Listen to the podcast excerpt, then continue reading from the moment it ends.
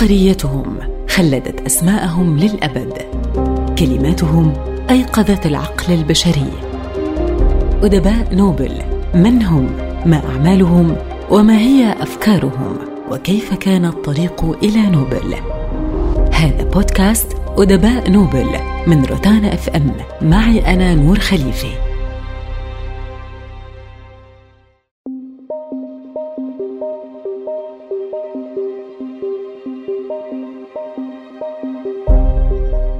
يقول كاتبنا خوسيه ساراماغو الطفولة هي الطريق الأمثل لفهم أنفسنا. لذلك دعونا نسلك هذا الطريق لنتعرف عليه أكثر.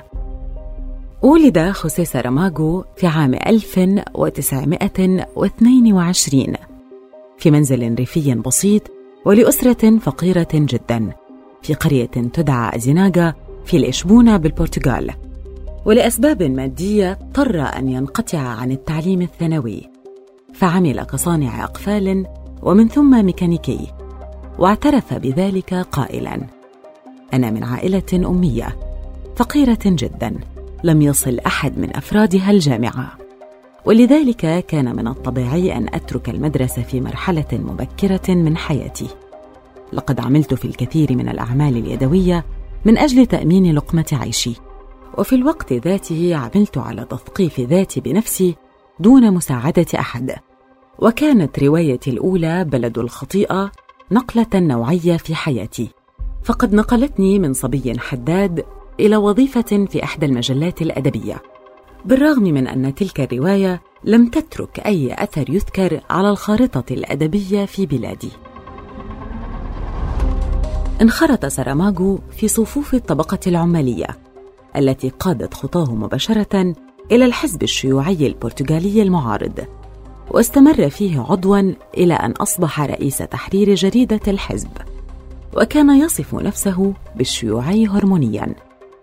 أنا لا أبرر للأنظمة الشيوعية ما فعلته لكن الكنيسة اقترفت أيضا الكثير من الأخطاء كإعدام الناس حرقا ولدي الحق في البقاء على أفكاري لأنني لم أجد شيئا أفضل. ونظرا لمواقفه الثابتة وأفكاره اليسارية طرد من العمل وكرس نفسه للكتابة والتأليف.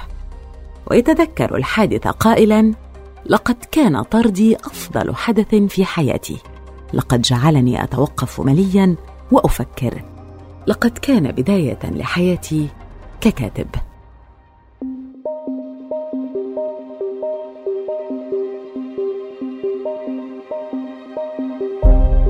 يعتبر ساراماغو من أكثر الكتاب تأثرا وتعمقا بدراسة الأدب الإسباني ومن أشدهم كتابة حول أثر أدب القرون الوسطى في الأدب الأوروبي الحديث مع اعتزازه بالشاعر البرتغالي الكبير فرناندو بيسوا.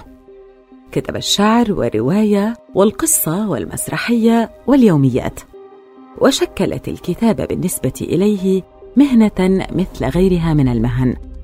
ويتحدث عن نفسه قائلا. كلامي هذا يمكن أن يصدم بعض الذين يعتقدون أن الكاتب يعيش في عالم مختلف ولديه حياة مختلفة. دعنا من تلك الترهات التي تقول بالإلهام وما إلى ذلك. الواحد منا يعيش في هذا العالم محاطا بالمجتمع وكل ما تعنيه الحياة. لذلك يحاول أن يفهم الحياة. ويعبر عما بداخله إلى الدرجة التي يصل إليها فهمه ولا ينتظر حتى ينزل عليه الإلهام فيبدأ بالكتابه لأن المعجزة حدثت أخيرا. إن الإلهام الحقيقي هو الكتابه التي تستمد جذورها من الظروف المحيطة بالكاتب سواء التي تعجبنا أو التي لا تعجبنا. سراماغو العاشق لزوجته بيلار التي كانت الوسيطه بين سراماغو والعالم. والتي ترجمت معظم رواياته إلى الإسبانية. أهداها كل أعماله منذ أن تعرف عليها. ففي كتاب انقطاعات الموت كتب لها إلى بيلار بيتي. وفي رواية الآخر مثلي كتب لها إلى بيلار حتى اللحظة الأخيرة.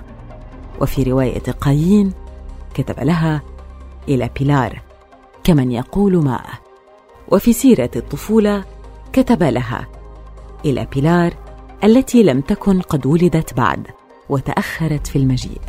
رحل ساراماغو عن عالمنا عام 2010 بعد صراع مع مرض سرطان الدم عن عمر ناهز السابعة والثمانين. وعن الموت الذي كان يشعر أنه بدأ يدنو منه قال الحب هو حصننا الوحيد أمام الموت.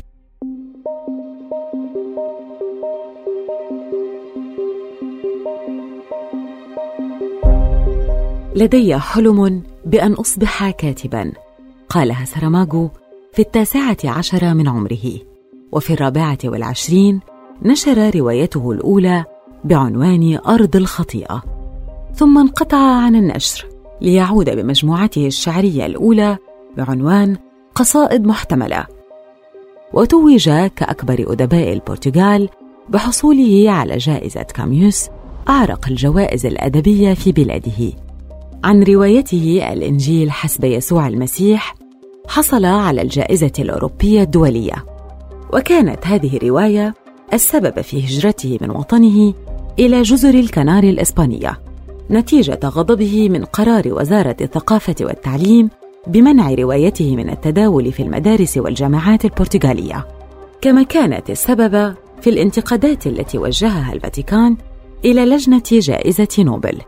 لأنها منحت الجائزة لكاتب متمرد على الكنيسة الكاثوليكية كما أثارت الرواية سجالا منذ صدورها ولا تزال محظورة في الأوساط المسيحية وحول هذه الرواية تساءل سراماغو منفعلا لماذا يتدخل الفاتيكان في هذه الأشياء؟ لماذا لا يهتم فقط برعاية المصلين؟ لماذا لا يفتح خزاناته بدلا من ذلك ويعرض الهياكل العظمية المحفوظة داخلها؟ وبتهكمه المعهود قال في احدى لقاءاته الصحفية في مدريد لا أعرف معنى الكلمة التي وصمني الفاتيكان بها ليعلن عن معارضته حصولي على جائزة نوبل لذلك أقول للفاتيكان أن يتفرغ لصلواته ويترك الآخرين في سلام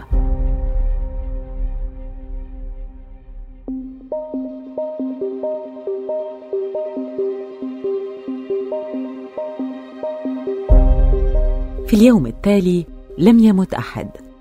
لقد انقطع الموت في دولة صغيرة لا اسم لها وأصبح سكانها لا يموتون. هكذا بدأ الكاتب العبقري سراماغو رواية قطاعات الموت والتي تكاد تكون ملحمة في مديح الموت. يدعون فيها سراماغو إلى محبة الموت ويضعنا حسه الفكاهي وسخريته اللاذعة أمام مفاجآت فانتازية. وتحتوي الرواية على فكرتين أساسيتين. الأولى هي الإنسانية في مواجهة نفسها ومعضلاتها الكبرى نتيجة لظرف جديد.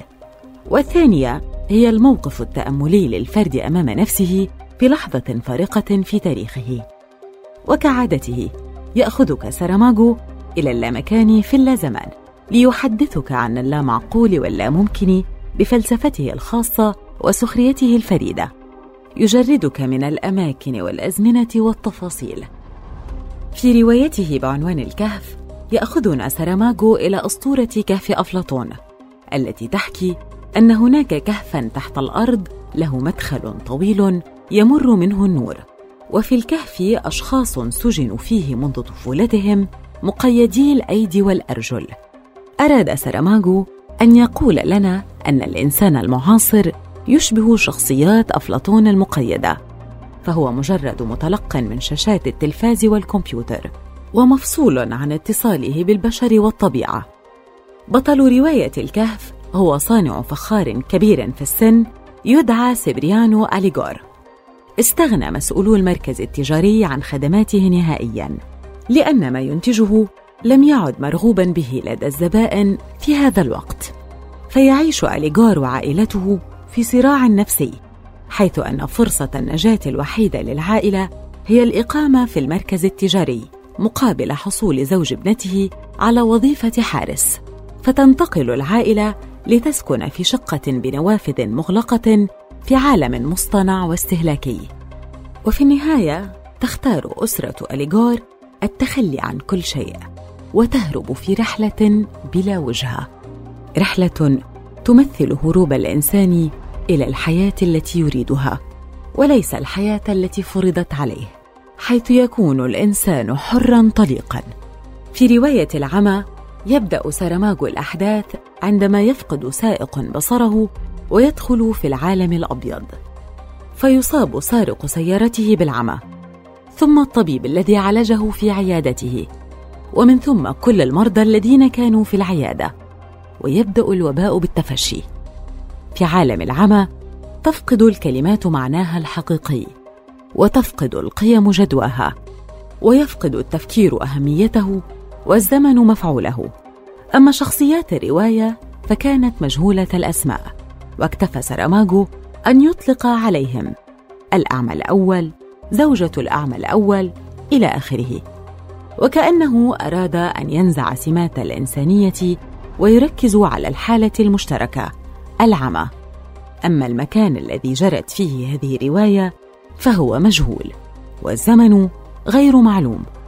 قد يكون ساراماغو تعمد ترك كل ذلك لأنه أراد في المحصلة أن تنطبق الرواية على كل زمان ومكان محذرا في الوقت نفسه من أن البشرية إذا استمرت في طريق الغي هذا وبقيت تسير في دروب العبث سيكون مصيرها العمى. في نهاية الروايه ينحسر الوباء ونسمع زوجة الطبيب تقول لا أعتقد أننا عمينا بل أعتقد أننا عميان بشر عميان يستطيعون أن يروا لكنهم لا يرون. لقد انحدرنا حتى بلغنا الدرك الأسفل من الذل والهوان حتى وصلنا إلى درجة الانحطاط التام.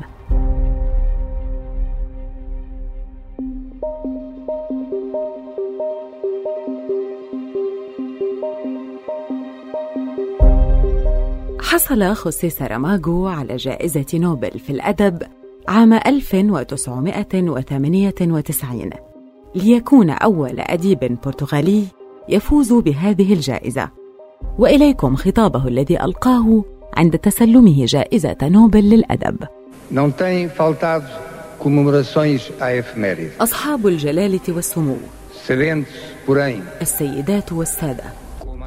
في مثل هذا اليوم وقبل خمسين عاما تم التوقيع على الإعلان العالمي لحقوق الإنسان لكن كما تعلمون أن الانتباه يتلاشى مع مرور الوقت وعندما تظهر المسائل الجادة تبدأ المصلحة العامة في التضاؤل مباشرة.